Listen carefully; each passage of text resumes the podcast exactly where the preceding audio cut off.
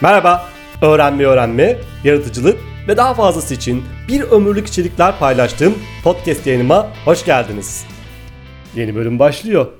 İçindeki yaratıcı gücü açığa çıkarıp problem çözebilme kapasiteni nasıl artırırsın?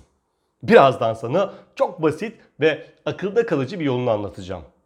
Uzun süredir Dünya Ekonomik Forumu'nun geleceğin yetkinlikleri listesinin değişmeyen bir maddesi var.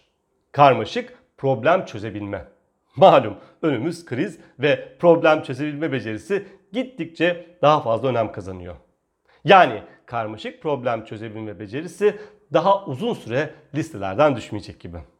O geleceğin yetkinliği listelerinde problem çözebilme becerisinin yanında hiç eksik olmayacak yetkinlik ise yaratıcılık. Yani problem çözme becerisinde problem çözebilme becerisi yaratıcılıkla birleşmeli, yaratıcı problem çözebilme becerisine dönüşmeli. Bu yüzden yaratıcı problem çözebilme becerisini hem kendim hem dostlarım hem de çocuğum için çok önemsiyor ve bu beceriyi geliştirmenin yollarını arıyorum ve buldukça da sizinle paylaşıyorum. İşte öyle bir çözümle, basit bir akronimle karşınızdayım bugün. Eğer bir problemle karşılaşırsanız sadece do it. Yıllardır eğitmenlik yapan, yaratıcılık ve öğrenme üzerine çalışan biri olarak gönül rahatlığıyla söyleyebilirim ki do it en basit ve etkili yaratıcı problem çözme tekniği. İngilizce yap onu anlamına gelen bu ifadenin hangi sözcüklerin baş harfi olduğunu ve bunun yaratıcı problem çözme süreciyle ilişkisini öğrenmeye hazırsan her zamanki gibi hızlı bir giriş yapalım ve hadi başlayalım.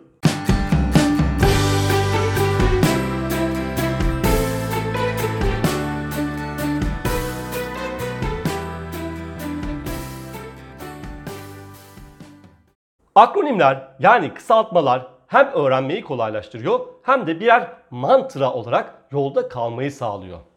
Bu yüzden bir problemle karşılaştığında hemen kendine do it diyerek odağını problemden çözüme kaydırabilirsin. Ki bu atacağın en önemli adım olacaktır. Mesela benim kızım bir problemle karşılaştığında kendime hemen do it diyorum. Ve bunu söylemek problem çözme becerisini geliştirmek konusunda kızıma nasıl yardımcı olabileceğime dair düşünmeyi hatırlatıyor bana. Bu hayatta hep en iyi bildiğimiz yerlerden gol yiyoruz. Hep en çok bildiklerimizde yanılıyoruz. Bu yüzden basit ve bildiğimiz şeyleri birbirimize, kendimize tekrar tekrar hatırlatmayı çok değerli buluyorum. Üstelik bilmek yetmiyor. Bildiklerimizi hatırlamak, hatırladıklarımızı hayata geçirmek, hayata geçirdiklerimizin sonuçlarını değerlendirmek gerekiyor. İşte bir problemle karşılaştığında kendine do it demek senin odağını problemden çözüme taşımana yardımcı oluyor. Üstelik anlamı da çok güzel. Yap onu. Yani seni eyleme, problemler karşısında harekete geçmeye çağırıyor. Peki şimdi nedir bu do it'in açılımı? Do it şu kelimelerin baş harflerinden oluşan bir kısaltma, bir akronim. D, define problem yani problemi tanımlama. O, open mind and apply creative techniques yani açık fikirli ol ve yaratıcı teknikleri uygula. I, identify best solution yani en iyi çözümü belirle. T, transform yani dönüştür, çözümü uygula. Hadi gel problem çözme basamaklarını ifade eden bu her bir aşamayı detaylıca açıklayalım ve bu tekniği nasıl kullanacağını bir bakalım. Evet, define problem. Problemi tanımlama. Evet, ilk adım problemi tanımlamak ama hemen değil. Problemi hemen tanımlamaya çalışmak aslında problem çözme sürecinde karşılaştığımız doğru bilinen yanlışlardan biri. Problemi tanımlamadan önce problemi doğru tanımlayabilmek için önce bir neler olup bittiğine bir bakmak, gözlem yapmak daha doğru olacaktır. Diyelim ki akşam eşin eve geldi ve canı sıkkın görünüyor. Onu hemen problemin ne demek yerine günün nasıl geçtiğini sormak, neler yaptığını paylaşmasını sağlamak daha doğru. Zaten neler olup bittiğini anlatan eşin o sohbetin bir yerinde problemini de ifade edecektir.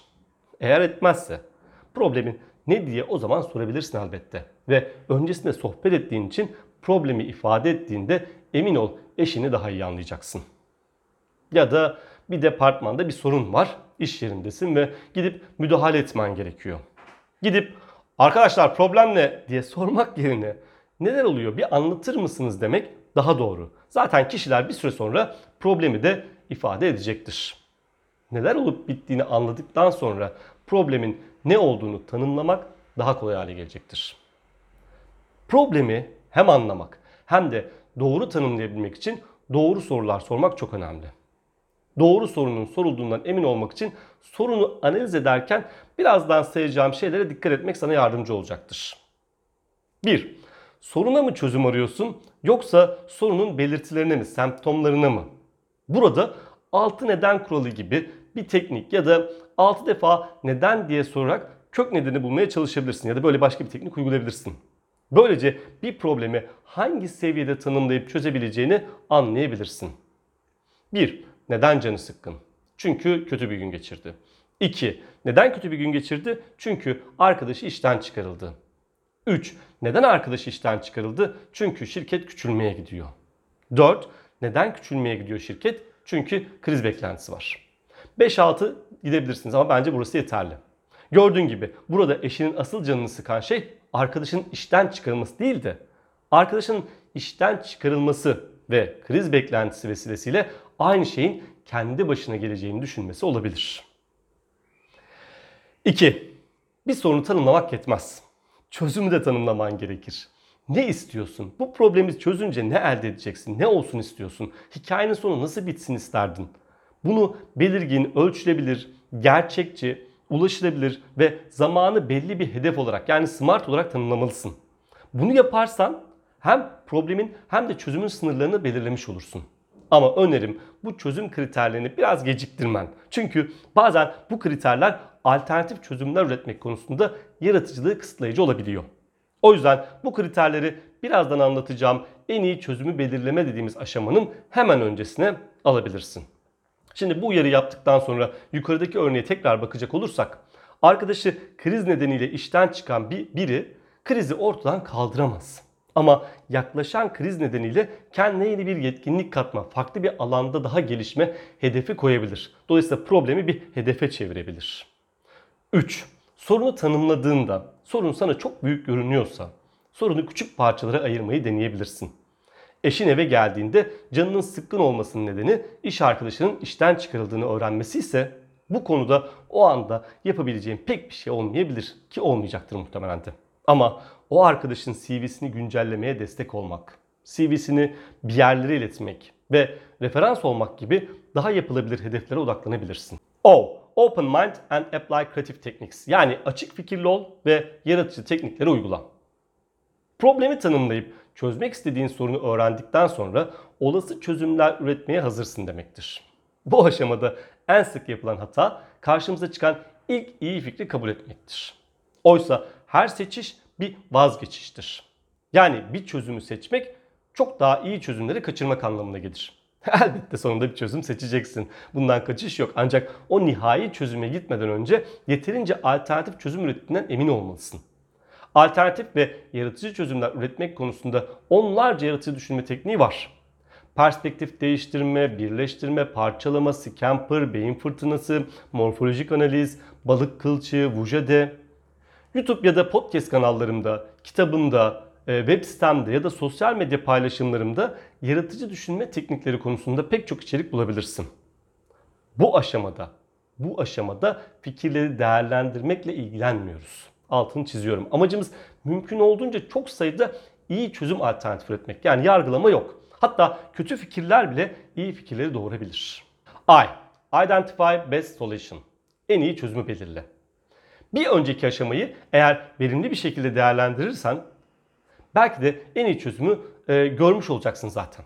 Çünkü genelde öyle olur. Çok sayıda fikir üretirsin ve bu üretim sürecinin bir yerinde kendini bir anda bu aşamada bulursun. Tamam peki ya öyle değilse? Yani pek çok alternatif çözüm ürettiğin halde bu alternatiflerin hiçbirisinde karar kılamıyorsan, hangi çözümü seçeceğini bilemiyorsan ne olacak, ne yapacaksın? Burada işte etki alanı analizi gibi karar verme tekniklerini kullanmalısın. Bu karar verme tekniklerinden birini uygulayarak en iyi çözümü belirleyebilirsin. Ki bu videoda buna çok giremeyeceğiz. Benim tavsiyem bu karar verme tekniklerinin yanında özellikle birbirine çok yakın alternatifler arasında seçim yaparken biraz da kalbinin sesini yani sezgilerini dinlemen. Özellikle özel hayatın, arkadaşların, ailen gibi konularda aslında en iyisini yine sen bilirsin. Ve içinden bir ses bunu sana söyler. Altını çiziyorum. Elbette birbirine yakın alternatifler arasında kaldıysan bunu yap. Yoksa diyelim ki 10 puanlık bir karar var ve buna karşı 3 puan, 2 puanlık bir karar var. Sırf sezgilerin öyle söylüyor diye 2 puanlık, 3 puanlık bir karar vermeyi çok da önermiyorum. Bu doğru olmayacaktır elbette. T. Transform yani dönüştür, çözümü uygula. Pratik, eylem, uygulama adına her ne dersen de. Seçtiğin çözümü uygulamak en gerçek sınav aracıdır. Hani atalarımız yiğit meydanda belli olur diyor ya. Ha işte tam olarak öyle. İyi çözüm uygulamada belli olur. Sorunu belirleyip çözüm ürettikten sonra son aşama bu çözümü uygulamaktır. Burada en önemli şey şudur. Elindeki çözüm ne kadar iyi olursa olsun bir çözüm alıp sadece olduğu gibi uygulamak yetmez. O çözümü pazarlamasını, pazarlamasını da yapman gerekir ve tutundurulmasını da sağlaman gerekir. Yani mesela yalnızca yaratıcı ve güvenilir bir çözüm geliştirmekten ibaret değil mesele. Nice iyi fikirler iyi pazarlanmadığı için ölüp gider. Sonra bir bakarsın sen başarısız olurken seninkinden çok daha kötü bir çözüm sırf daha iyi pazarlandığı için başarılı olur. Tabi burada e, böyle illa büyük kararları, inovasyonları falan kastetmiyorum. Çok basit düşünebilirsin. İş arkadaşlarınızla öğlen yemeğine nereye gideceğinizi bile belirleyen bazen birinin gideceğiniz mekanı iyi pazarlaması olabilir.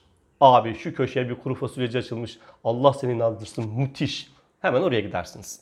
Ya da ailecek çıkılacak bir tatilde nereye gittiğinizi belirleyen de o yeri ve oraya gitmeyi iyi pazarlayan olabilir. Ki bu bizim ailede genelde eşim oluyor. Çok iyi pazarlıyor. Aklıma gelmiş, gelmişken bu konuda çocukları çok başarılı bulduğumu söylemeliyim. Kendi problemlerini, buldukları çözümleri bize kabul ettirmek, fikirlerini pazarlamak için çok yaratıcı olabiliyorlar. Geldik sona. Artık elinde çok etkili ve uluslararası geçerli bir problem çözme aracı var. Do it. Bir problemle karşılaştığında çözüm için etkili bir yöntemin olduğunu kendine hatırlatmak için do it demen yeterli. Ve lütfen bunu küçümseme. Çoğu zaman bir problemle karşılaştığımızda kendimize sadece do it demediğimiz ve bu aşamaları takip etmediğimiz için gözüne ışık tutulmuş tavşan gibi kalıyoruz. O halde do it. Görüşmek üzere.